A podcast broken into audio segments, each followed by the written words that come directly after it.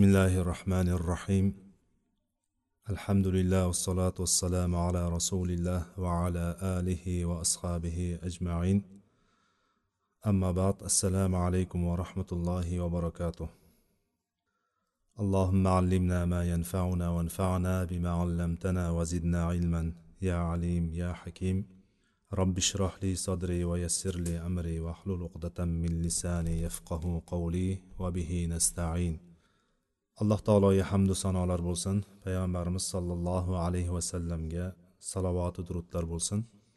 Riyoz solihin kitobidan yigirma uchinchi bobda davom etayotgandik. Yigirma uchinchi bobimiz amri ma'ruf va nahiy munkar haqidagi hadislar haqida edi. Shundan yettinchi hadisga kelib to'xtagan ekanmiz. Yettinchi hadisimiz عن أبي سعيد الخدري رضي الله عنه عن النبي صلى الله عليه وسلم قال إياكم والجلوس في الطرقات. فقالوا يا رسول الله ما لنا من مجالسنا بد نتحدث فيها. فقال رسول الله صلى الله عليه وسلم فإذا أبيتم إلا المجلس فأعطوا الطريق حقه. قالوا وما حق الطريق يا رسول الله؟ قال غض البصر وكف kafful ورد السلام roddus بالمعروف والنهي عن المنكر متفق عليه متفق عليه munkar muttafaqun alayh muttafaqun alayh bo'lgan hadis buxoriy va muslim ittifoq qilgan rahimahumulloh. Bular ittifoq qilgan hadis ekan. Abu said al hudriy roziyallohu anhudan rivoyat qilinyapti. Yosh sahobalardan biri. Payg'ambarimiz sollallohu alayhi vasallam shunday dedilar. Iyakum val jurusa fit turuqot yo'llarni bo'yida yo'l yoqalarida o'tirishlikdan saqlaninglar uzoq turinglar dedilar. Shunda sahobalar aytishdiki ey allohning rasuli biz u yerda o'tiramiz deyishdi. Bir birimizdan gaplashib turishga majbur bo'lamiz dedi. Shunda payg'ambarimiz aytdilarki agar illo o'tiramiz deydigan bo'lsalaring ya'ni o'tirishdan boshqa choramiz yo'q o'tirmasak bo'lmaydi deydigan bo'lsalaring yo'lni haqqini o'tab qo'yinglar dedilar. Yo'lni haqqini ado qilinglar dedilar. Shunda sahobalar aytishdiki yo rasululloh yo'lni haqqi nima? deb so'rashdilar. Payg'ambarimiz sollallohu alayhi vasallam g'oddul basor ko'zni tiyishlik va kafful ada ozor berishlikdan aziyat yetkazishlikdan tiyilishlik va raddus salam salomga javob berishlik ya'ni salomga alik olishlik. Val amru bil ma'ruf ma'rufga buyurishlik. Va nahyu anil munkar va munkardan qaytarishlik deb turib beshta narsani sanadilar shu yerda.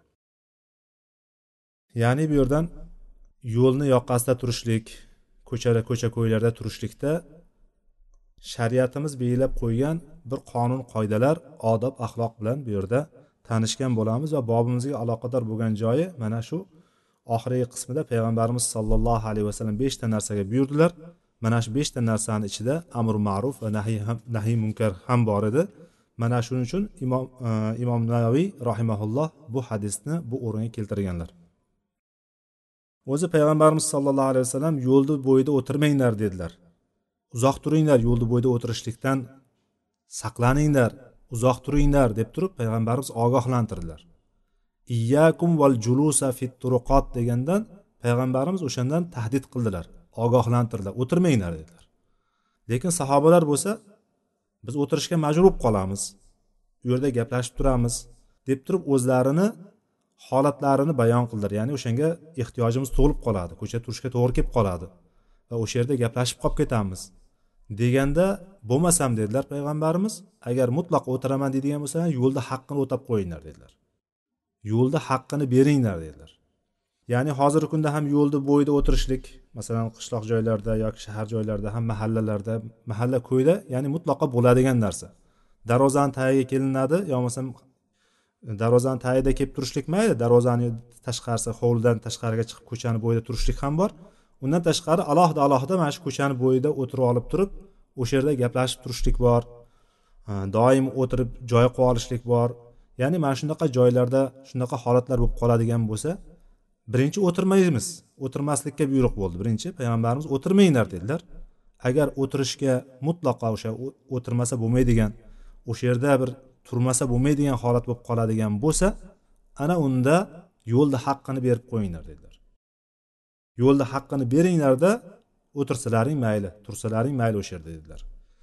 Bu hammaga tegishli. Erkak ayol hammaga tegishli. Hozirgi kunda ham masalan agar mm, ko'p qavatli binolar bo'ladigan bo'lsa o'shani kiraverishida turishlik ham yo'lda mana uyga kirib kelayotgan joyda mana podyezddan kirib kelayotgan joyda o'sha yerda turishlik ham mana shu jumlaga kirib ketadi.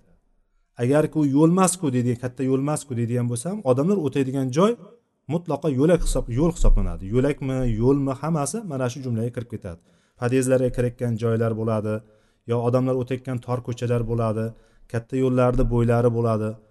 Xullas umumiy olgan paytimizda odamlar o'tib qaytadigan joyni nazarda tutilyapti bu yerda. Mana shunda sahobalar so'rashdiki yo rasululloh yo'lni haqqi nima? Qanaqa haqlari bor yo'lni bizga ayting? deganda payg'ambarimiz aytdilarki ko'zni tiyishlik. Birinchisi ko'zni tiyishlik. Ko'zni tiyishlikda ko'pincha birinchi hayolimizga keladigan narsa albatta nomahramlarga qarashlik keladi. Bu nomahramlarga qarashlik birinchi o'rinda keladigan bo'lsa umuman ko'zni tiyishlik haqida gap ketyapti bu yerda. Bu yerda ko'zlaringni nomahramlardan tiyinglar degan so'z kelmayapti bu yerda. Yoki erkaklarga tegishli qilib ayollarga tiying ayollardan ko'zlaringni tiyinglar yoki ayollarga aytib turib oyatda kelganidek birinchi erkaklarga ko'zlaringni ayollarga nomahram ayollarga tiyishlikda ko'zlaringni quyi qilinglar. Va undan keyin ayollarga ham xuddi shunaqa buyruq kelganda emas nur surasida kelgandek. Bu yerda payg'ambarimiz umumiy suratda aytyapti bu yerdan umumiy hukm chiqaramiz.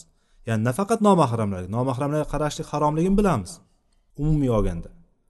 Buyoqdan keladigan bo'lsa ko'z bilan u kelishdan boshlab turib ko'z tikib qarab turib o'tib ketgandan keyin ham orqasidan qarab tikilib termilib qoladigan narsa gapirilmayapti bu yerda. Bu asli o'zi harom u narsa. Bir marta qaragandan keyin ikkinchi marta o'shani qarashga jalb qilayotgan shaytonni otayotgan o'qidan saqlanishlik kerak ikkinchi marta qarashligingiz sizni zararingizga bo'ladi. Birinchi marta qaradingiz ko'z tushdi. Chunki ko'zi doim siz qayerqa qara yo'lga qarab turasiz yo'lga qarab yurasiz. Ya'ni ko'z ilojsiz bir narsaga tushadi. Birinchi marta tushishlikdan shuning uchun bizni shariatimizda shunaqa kenglik borki alloh taolo shu bir marta ko'zimizni qarashligidan alloh taolo bizni kechirib qo'ydi. Bu birinchi qarashligimizni kechirdi alloh taolo. Lekin ikkinchi marta qarashligimiz degan narsa bor bu narsani harom qildi. Ikkinchi marta qarashligimiz shahvatimiz bilan bo'ladi. Shaytonni vasvasasi bilan bo'ladi shaytonni yo'liga kirishlik bilan bo'ladi. Mana shuning uchun ikkinchi marta qarashlik bizga harom qilindi. Endi uni bir qaraganda hamma tomonni bemalol rasmga tushib yuboradiganday qilib turib qarashlik bilan bir ko'z tushib ko'zni olishlikni farqi bor. Unisini ham aytib qo'yaylik ya'ni ba'zan ko'zni bir marta qaradim deb turib butun ko'radigan hamma shahvatini ko'radigan joyini ko'rib olib turib qilishlik emas. Bu yerda bir qaraganda ko'z tushishligi bilan olishlik degani g'oddul basor mana shu. Ko'z tushadi ko'zni o'sha paytda olasiz. Mana shu narsa e, mo'minlardan talab qilingan narsa.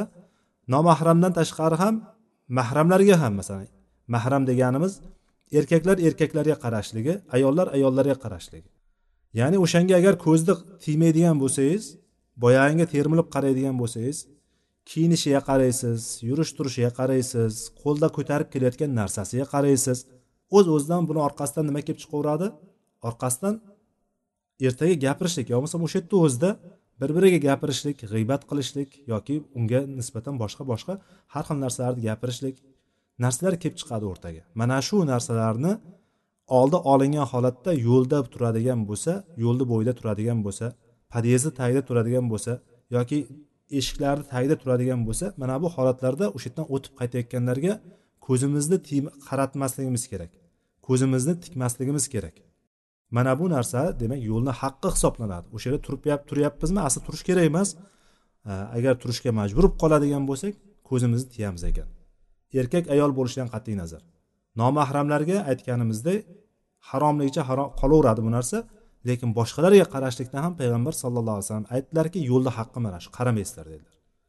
Ko'z tikmaysizlar olib kelayotgan narsasiga yurish turishiga kiyingan kiyimiga ha? Bularga hech qaysiga qaramaysizlar dedi undan keyin kafful aza ikkinchisi yo'lni haqqi bo'lgan ikkinchisi ozor bermaslik aziyat yetkazmaslik aziyatdan tiyishlik odamlarga tili bilan ozor berishlikdan va qo'li bilan ozor qiliqlari bilan ishlari bilan qilmishlari bilan ozor berishlik. Ba'zi holatlarda ko'rasizki yo'ldan o'tib ketayotgan o'sha yerda bir ikkita odam turib qoladigan bo'lsa yoki ikki kishi turib qoladigan bo'lsa o'sha yerdan o'tolmaydigan darajada bo'lib qoladi odam. Ya'ni yo osmonga qarab o'tishingiz kerak to'g'riga qarab o'tsangiz ham ko'zingiz o'sha yerga tushadi boyagi joyga butun tuflab tashlagan bo'ladi. Yo bo'lmasam o'sha yerga o'tirib turib semchga chaqqan bo'ladi. Ya'ni bu degani ozorni bir ko'rinishi. Yo'lda o'tirgan kishi yo'lni bo'yida turgan kishi mana shu narsalardan uzoq turishligi kerak bo'ladi. Kafful aza deganimizda mana shu qismiga odamlarga ozor beradigan odamlar ko'rsa aziyat yetadigan hamma narsani o'z ichiga olib ketadi. Xoh o'sha yerda o'tib ketayotganda unga gap otishligi bormi? Yo bo'lmasam orqasidan o'tib ketayotgan paytda uni g'iybat qilishligi bormi? Yoki turgan joyini iflos qilib hozirgi aytganimizdek iflos qilib o'tirishligi bormi? Ertaga odam o'tayotgan paytda shuni ko'rib turib e deb orqasidan gapirinib o'tishligi orqasidan la'nat aytib o'tishligi. Mana shu o'rinlarni hammasi mana shu kaffir azaga kiradi. Bu yo'lni haqqi ekan. O'sha yerda turamizmi? Turadigan bo'lsak odobimizni saqlab turishligimiz kerak. Undan keyingisi raddussalam salomga alik olishlik. Uchinchisi yo'lni haqqi yo'lni bo'yida turgan odamlarni haqqi salomga alik olishlik. Islomdagi shariatimizda biz shariatimizdagi salomni odoblari salom berishlik alik olishlikni odoblarida o'tirgan odamga salom beradi. Tikka turgan odam o'tirgan odamga salom beradi. Bitta pastdagi odamga salom beradi. Ya'ni yurib ketayotgan odam turgan odamga salom beradi. Bir ulovdagi odam pastda turgan odamga salom beradi. Mana shunaqa ketma ketligi bor. Bu yerda roddussalam deganda salom salom berishlik demayapti. Payg'ambarimiz salomga alik olishlik. Chunki shariatda odobi bor ediki bular o'tiribdi yo'lni bo'yida. O'tib ketayotgan odam bularga salom beradi. Ana o'sha paytda salomga alik olishlik dedilar. Salomga alik ol salom bersa salomga alik olishadi bular. Undan keyin amri ma'ruf ma'rufga buyurishlik va munkardan qaytarishlik. Ma'rufga buyurib munkardan qaytarishlik mana shu joyi demak o'sha yerda biron bir vojiblar tark qilinayotgan holat bo'ladigan bo'lsa mana bu vojiblar tark qilinayotgan o'rinda o'sha vojib eslatiladi buyuriladi e mana uni qilgin deyiladi. Agar bir munkar ish sodir bo'layotgan bo'lsa o'sha munkar ishdan qaytariladi. Kimlargadir ozor berib kelayotgan bittasini ko'radigan bo'lsa unday qilma deyiladi. Yo bo'lmasam birontasi sigaret chekib kelayotganini ko'radigan bo'lsa boyanga qarab turib agar ayta olsa aytishligi kerak bo'ladi. Ey to'xta bunaqa sigaret chekmagin bunaqa deb turib sigaretni mana shunaqa hukmlari bor insonga zarar beruvchi taraflari bor. Bu narsa harom deb turib aytishligi kerak bo'ladi. Yoki bittasi o'tib ketyapti nosvoy chekib olganda o'sha yo'lni ustiga tupurib ketyapti. Mana bunga ey nima qilding buni? Yig'ishtir buningni birinchidan o'zi qilayotgan buni chekishligingni o'zi harom. Endi bu ham yetmagandek odamlarga bunaqa qilib ozor berishliging nimasi deb turib o'sha yerda turgan odam o'sha yerda bo'layotgan ko'zi tushgan ko'rgan munkar ishlardan qaytarishligi kerak bo'ladi. Mana bu yo'lni haqlari bo'ladi. Payg'ambarimiz sollallohu alayhi vasallam mana bu hadislarda bizga mana shu beshta narsani yo'lni haqlari yo'lda yo'lni bo'yida turgan odamlarga rioya qilishligi kerak bo'lgan odoblarni zikr qildilar. Sakkizinchi hadisda bobni e, bir yuzi to'qson oltinchi hadisga kelibmiz o'zi umuman kitobni bir yuz to'qson oltinchi hadisga kelibmiz bobni sakkizinchi hadisi bu hadisda عن ابن عباس رضي الله عنهما أن رسول الله صلى الله عليه وسلم رأى خاتما من ذهب في يد رجل فنزعه فطرحه وقال يعمد احدكم الى جمره من نار فيجعلها في يده فقيل للرجل بعدما ذهب رسول الله صلى الله عليه وسلم خذ خاتمك انتفع به قال لا والله لا اخذه ابدا وقد طرحه رسول الله صلى الله عليه وسلم رواه مسلم ibn abbos roziyallohu anhudan rivoyat qilinyapti abdulloh ibn abbos roziyallohu anhudan payg'ambarimiz sollallohu alayhi vasallam bir kishini qo'lida tilladan bo'lgan oltindan bo'lgan uzukni ko'rdilar Va ko'rgan zahoti boyagini yechdilarda boyagini qo'ldan yechib oldilarda otib yubordilar. Va aytdilarki orqasidan sizlardan bittalaringiz do'zax o'tidan bo'lgan yoki bu yerda narda o't deb umuman oladigan bo'lsak olovdan bo'lgan bir parcha shu unga cho'g'ga qarab keladida olib qo'liga taqib oladi dedilar. Sizlardan bittalaringiz do'zax o'tidan bo'lgan cho'g'ga qarab kelib olib qo'liga taqib oladilar. Bu nimasi dedilar. Shunday deb turib ketdilar payg'ambarimiz sollallohu alayhi vasallam. Payg'ambarimiz sallallohu alayhi vasallam ketganlaridan keyin boyagi kishiga aytishdiki o'sha yerda bo'lganlar o'sha yerda hozir bo'lgan kishilar aytishdiki huz xotamaka intafi bih dedilar. Ya'ni uzugingni olda o'shandan foydalan dedilar. Ya'ni taqmasang ham biron bir keragingga foydalan uni dedilar. Ishlat keragingga biron bir narsa tilla har qalay. Qimmatbaho narsa. Olib chiqib sotib turib uni puliga boshqa boshqa narsalar ishlar qilishligi mumkin. Shunaqa deb turib olda undan foydalan dedi. Kerangi ishlat deganda boyagi kishi aytdiki yo'q dedilar. Allohga qasamki payg'ambar sollallohu alayhi vasallam otib yuborgan narsani tashlab yuborgan narsani hech qachon olmayman dedilar. Aslo olmayman dedilar. Mana bu hadis. Bu hadisni imom navoiy bu o'ringa keltirdi. Bundan munkarni o'zgartirishlik haqidagi narsa foyda chiqadi. Munkarni o'zgartirishlik. Munkarni o'zgartirishlik boya munkardan qaytarishlik bor munkardan munkarni o'zgartirishlik degan ikkita bir biriga yaqin bo'lgan lekin bir biridan farqliroq bo'lgan terminlarga qarshi qarshi kelib qoldik mana. Munkardan qaytarishlik degan paytimizda gap bilan qaytarishlik bo'ladi yo qo'limiz bilan qaytarishlik bo'ladi. Lekin munkarni o'zgartirishlik deganda o'sha ishni mutlaqo to'xtatishlik kerak bo'ladi. Mana bu o'zgartirishlik bo'ladi. Tag'yir deymiz o'shani o'zgartirishlik. U yuqorida o'tgan hadisda aytgandiki payg'ambarimiz sollallohu alayhi vasallam sizlardan bittalaringiz bir munkarni ko'radigan bo'lsa qo'li bilan o'zgartirsin degandilar agar bunga qodir bo'lmaydigan bo'lsa tili bilan o'zgartirsin. Agar bunga ham qodir bo'lmaydigan bo'lsa qalbi bilan o'zgartirsin va mana shu iymonni eng zaif qismidir deb aytgandir. Mana shu iymonning eng zaif zaifligidir deb turib payg'ambarimiz sallallohu alayhi vasallam aytganlar mana bu o'zgartirishlik.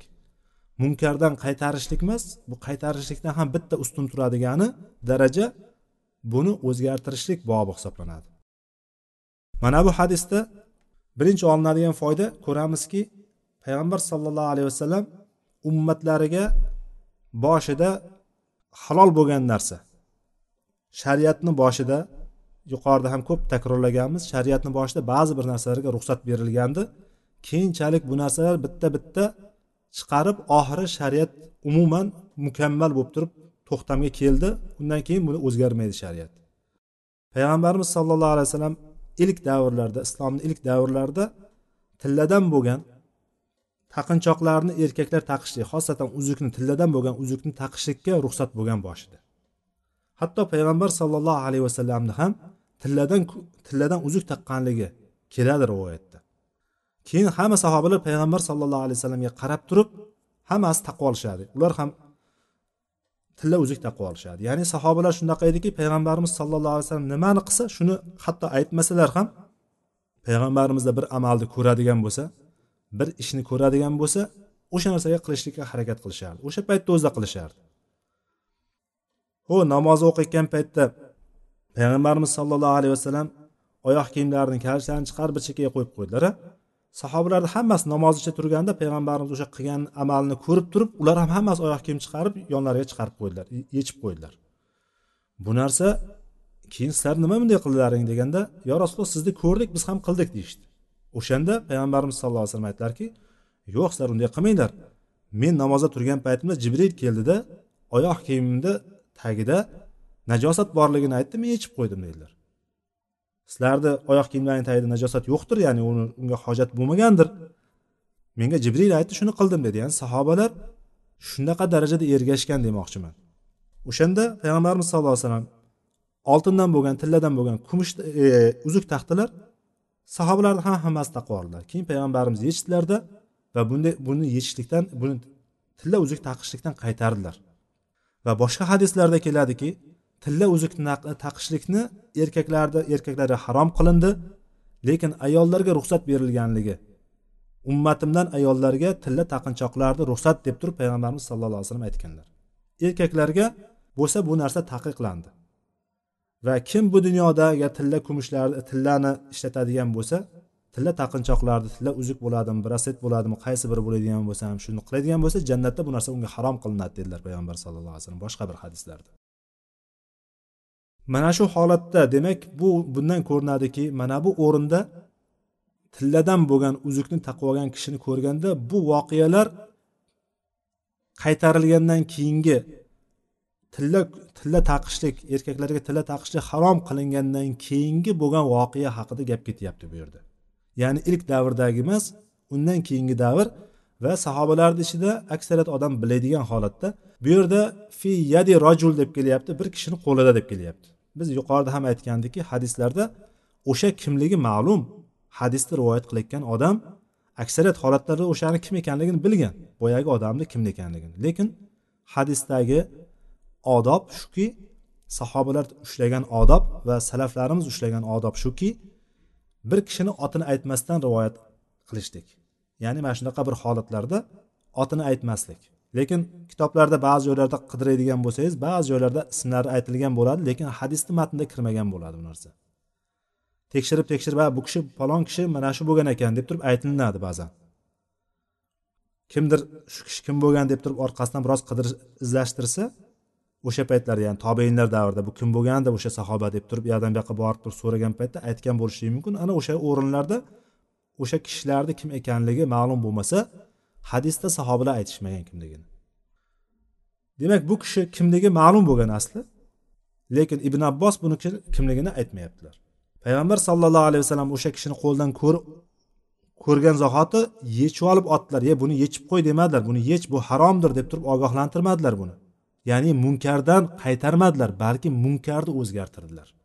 Qo'llari bilan o'zgartirdilar. Ya'ni munkarni o'zgartirishlikni eng yuqori martabasi bo'lgan qo'l bilan o'zgartirishlikni payg'ambarimiz sollallohu alayhi vasallam mana shu o'rinda amalga oshirdilar.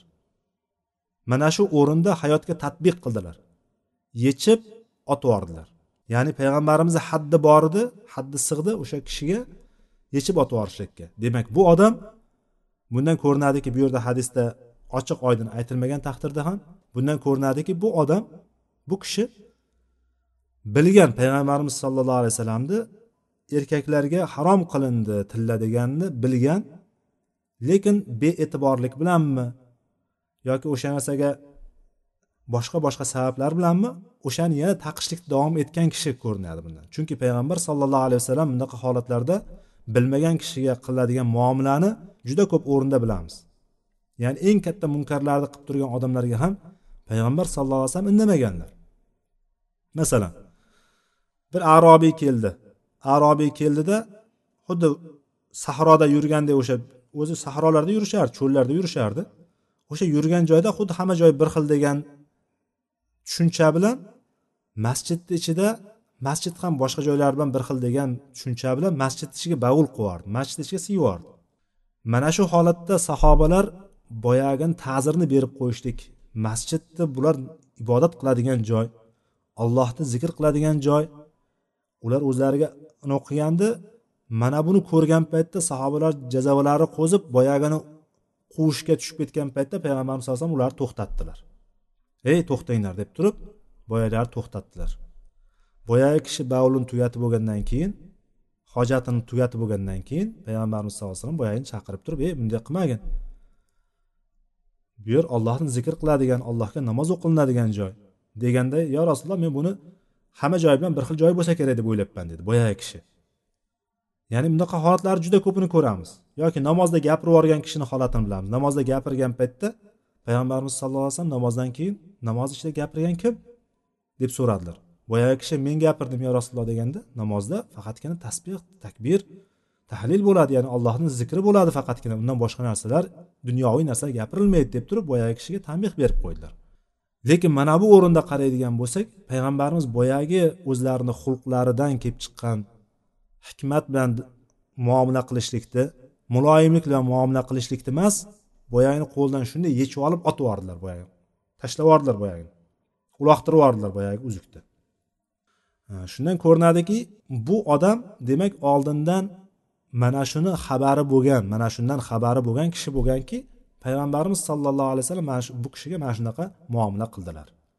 Degan narsani xulosani chiqarishligimiz mumkin. Qayerdan chiqaryapmiz? Payg'ambar sollallohu alayhi vasallamni xulq atvorlaridan ya'ni odatda odatiy bo'lgan xulq atvorlaridan makarimul axloq bo'lgan kishini mukammal xulqlar egasi bo'lgan kishiga nisbatan mana shunday deb turib e, bir xulosa chiqarishligimiz mumkin bo'ladi. Va orqasidan aytgan gaplariki bilib turib mana bu yerda yamaduni aytadigan bo'lsak bilib turib desak ham bo'ladi bu narsani.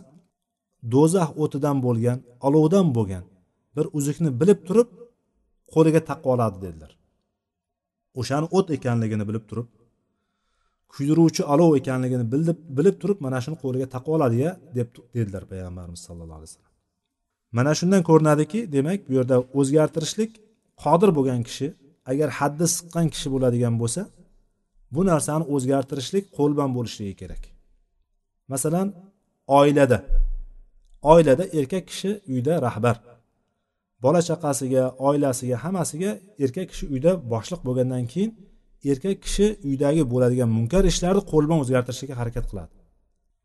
Ya'ni albatta buni boshida bosqichlari bor boshida. Birinchi da'vat turadi o'zini. Da'vatsiz bo'lmaydi bu narsa. Ya'ni o'zgartirishlikkacha bo'lgan oraliqda bosqichlar bor. Da'vat qilishlik kerak birinchi. Da'vat deganimizda o'sha narsani yetkazishlik kerak tushuntirishlik kerak. Shar'iy hukmlarni bayon qilishlik kerak. U nimaga o'zini o'zimda qolib qoldi? Birdaniga emas o'sha narsani hammasini yotig'i bilan tushuntirgandan keyin ana undan keyin buyuriladi. O'rni kelganda buyuriladi. Buni bunday qil deb turib buyuriladi. Buni bunday qilma deb buyuriladi. Va munkar ishdan nahiy bor undan keyin qaytariladi. Va oxirgi bosqichda tag'yir ana endi o'zgartirishlik endi kelyapti. Demak boshida birinchi da'vat bor undan keyin amr bilan nahiy bor amr bilan nahiy buyurishlik bilan qaytarishlik bor. Ana undan keyin o'shandan keyin ham agar biron munkar ish davom etayotgan bo'lsa ana unda o'zgartirishlik bor. Qo'l bilan o'zgartiriladi o'shanda. Qilinayotgan ish to'xtatib qo'yiladi hozirgidek uzuk taqqan bo'lsa uzukni olib otib yuboriladi kerak bo'lsa. Yo keraksiz narsani olib turgan bo'lsa olib turib sindirib tashlaydi kerak bo'lsa. Mana bundan ko'ramizki yana bir foyda chiqaramiz. Payg'ambar sallallohu alayhi vasallam olib otib yubordilar olib qo'liga bermadilar. Mana bu olda taqmaginda boshqa narsaga foydalan demadilar payg'ambarimiz. Olib otib yubordilar nimaga? Bundan ko'rinadiki boyagi narsani olingan narsa o'shanaqa insonni gunohga boshlagan narsa insonni ibodatdan chalg'itgan narsa ibodatdan olib qo'ygan narsaga talofat yetkazishlik o'shani yaroqsiz holatga keltirish keltirishlik foydalanmaydigan narsa qilib qo'yishlikka demak joizlik kelib chiqadi. Sizga kerakli bo'lgan narsa bo'lsa ham o'shanga talofat yetkazishlikka joizlik kelib chiqadi. Lekin aslida umumiy shariat qoidasiga qaragan paytda inson joniga o'ziga o'zini joniga moliga ahliga zarar berishligi mumkin emas aslida. Lekin mana bu o'rinda zarar berishlik talofat yetkazishi mumkin ekanligi kelib chiqadi. Payg'ambarimiz sallallohu alayhi vasallam oldilarida uloqtirib yubordilar boyagi uzukni va bundan boshqa bir e, payg'ambarlarni hayotini oladigan bo'lsak ham sulaymon alayhissalomni holati. Sulaymon alayhissalom yilqilarga otlar toblangan otlarga termilib o'shalarni tomosha qilib o'tirib o'shalarni shunday jozibadorligini tomosha qilib turib quyosh botib ketib qoldi asr namozini qazo qilib qo'ydi. Asr namozini vaqti chiqib ketib qoldi. O'shalarga termilib qolganligidan o'shalarga tikilib o'shalarga mahliyo bo'lib qolganligidan quyosh botib ketdi namoz vaqti chiqib ketib qoldi. Shunda u kishini qilgan ishlari nima bo'ldi? Shu tikilgan paytda qancha tuya e, qancha ot o'tgan bo'lsa o'shalarni hammasini qaytarib olib keltirib hammasini so'ydirib so'yib hammasini so'yib yubordi boyagi eng yaxshi otlarini hammasini so'yib yubordi nima uchun?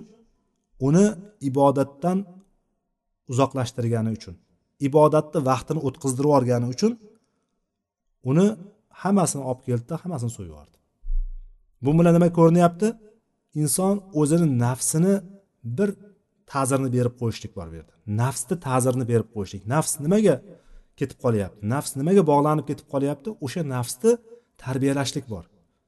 Kerak bo'lsa o'sha sizga eng qadrli narsa bo'lib qolishligi mumkin lekin o'sha narsa sizni ibodatdan olib qo'yadigan bo'lsa ibodatdan qoldiradigan bo'lsa yoki bir gunohga olib kiradigan bo'lsa o'shani olloh uchun kechib yuborishligingiz degan narsa bor bu yerda.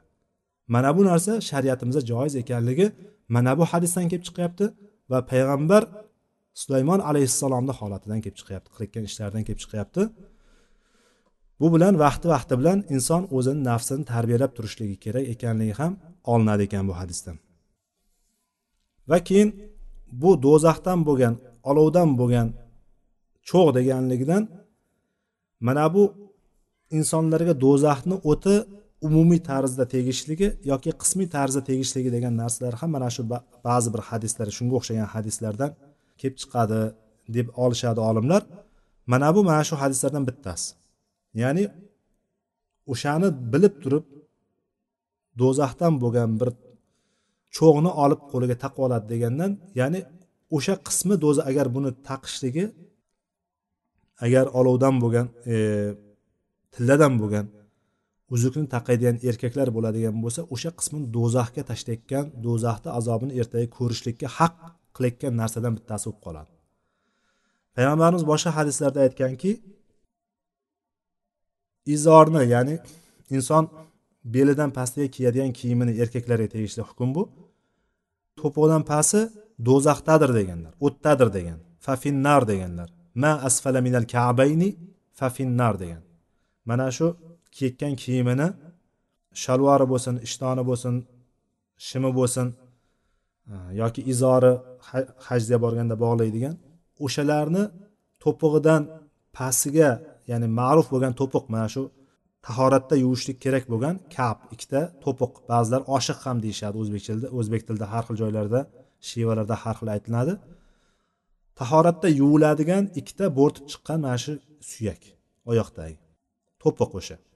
O'shandan pastiga tushirib yurgan kishini aytganda o'shani pasti o'tdadir deganlar payg'ambarimiz sallallohu alayhi vasallam. Ya'ni o'sha qismi do'zaxda bo'ladi. Boshqa bir hadisda vaylun lil aqob minan nar deganlar.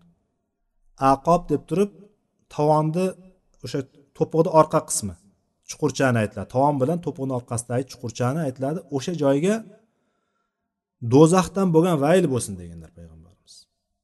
Do'zaxdan vayl bo'lsin o'shanga deb turib tahoratda shoshilib yoki erinib yuvmasdan o'sha joylarda yuvuqsiz qoldirayotgan qismlariga payg'ambarimiz sallallohu alayhi vasallam do'zaxdan vayl va'da qilganlar. Tahdid qilganlar shu bilan.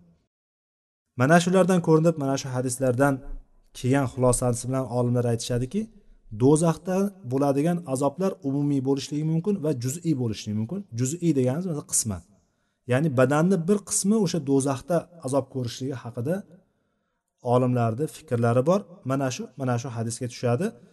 Va oyatdan ham dalil keltiradiki yawma يحمى عليها في نار جهنم fatukva بها جباههم وجنوبهم وظهورهم va zuhuruhum oyatini keltirishadi. Tavba surasida o'ttiz beshinchi oyat zakot mollari haqida kelgan oyatda zakot mollarini zakotini bermay yuradigan bo'lsa o'shalarni ertaga o'sha tilla buyumlar hamma tilla kumush hamma buyumlarni hammasi ertiladida yuhma alayha finari jahannam do'zax o'tida o'shalar qizdirilib kuydirilib o'sha kuydirilgandan keyin o'sha qizib turgan e, boyagi oltin kumushlarni boyliklarini ularni jibahuhum ularni peshonalariga junubuhum yonboshlariga va duhuruhum va orqalariga bosiladi o'shan bilan. O'shan bilan kuydiriladi o'shan bilan azob beriladi degan oyatdan keltirib chiqib aytishadiki bu yerda ham qismlar badanni ba'zi bir qismlari zikr qilinyapti. Yuqoridagi hadislarda ham ba'zi bir qismlar zikr qilingan. Shunga ko'ra deydi do'zaxda butun hamma joyi bilan kuyishlik bor azob ko'rishlik bor va ma'lum bir qismlarni o'zigina azob ko'rishligi ham bor deyishadi. Allohu alam. Va oxiriga oladigan foydamiz bu yerdan. Boya sahobalarni iymonlarini qanchalik darajada mukammal bo'lgan komil iymonga ega bo'lgan va iymonlarida sodiq bo'lgan ekanliklarini ko'ramiz. Buni qayerdan chiqardik? Odamlar boyagi kishiga qarab turib boyagi uzugingni oldi u bilan foydalan dedi. Undan keragingga ishlat u narsani tashlab ketaverma kerak bo'lib qoladi. Olganda foydalan deganda boyagi kishi yo'q allohga qasamki hech qachon aslo olmayman u narsani dedi. Payg'ambar sollallohu alayhi vasallam otib yuborgan uloqtirib yuborgan narsani aslo olmayman dedilar. Mana bundan ko'rinadiki hatto payg'ambar sallallohu alayhi vasallam otib yubordilarmi uni? Payg'ambarimiz qodir edi boya aytganimizdek yuqorida boyagini yechib olgandan keyin qo'li bilan o'zgartirganda munkarni o'zgartirgandan keyin qo'liga berib turib mana buni boshqa yo'lda foydalan lekin taqmagin erkaklarga haromdir deb ketishligi mumkin edi. Lekin payg'ambar sallallohu alayhi vasallam unday qilmadilarda yechib otib yubordilar uni. Mana shundan bu aytdiki payg'ambarimiz uloqtirib yuborgan narsani men olmayman hech qachon dedi. Ya'ni shu darajada iymonlari mukammal bo'lgan. Boshqalar tavsiya qilib turibdi unga ol ishlat uni. Kerak bo'lib qoladi. Qancha pul bo'ladi bu narsa? deb turibdi lekin bu kishi yo'q payg'ambar otib yuborgan narsani men olmayman deyapti. Mana shundan ko'rinadiki ularni iymonlari mana shu darajada mukammal bo'lgan alloh taolo bizlarni ham iymonimizni sahobalarni iymonidek mukammal bo'lgan hukm kelgan paytda shar'iy hukmlar chiqqan paytda bir hadisda payg'ambar sollallohu alayhi vasallam shunday debdi deganda alloh taolo mana bu oyatda bunday debdi deganda o'sha paytda o'zida atona samiona va atona deydigan o'sha paytda eshitdik itoat qildik bo'ldi bosh ustiga deydigan kishilardan qilsin va mana bu o'rganayotgan hadislarimizni alloh taolo bizga manfaatli va hayotimizda tadbiq qiladigan ilmlardan qilsin darslarimizga barakotlar bersin vallohu alam سبحانك اللهم وبحمدك أشهد أن لا إله إلا أنت أستغفرك وأتوب إليك وآخر دعوانا أن الحمد لله رب العالمين والسلام عليكم ورحمة الله وبركاته.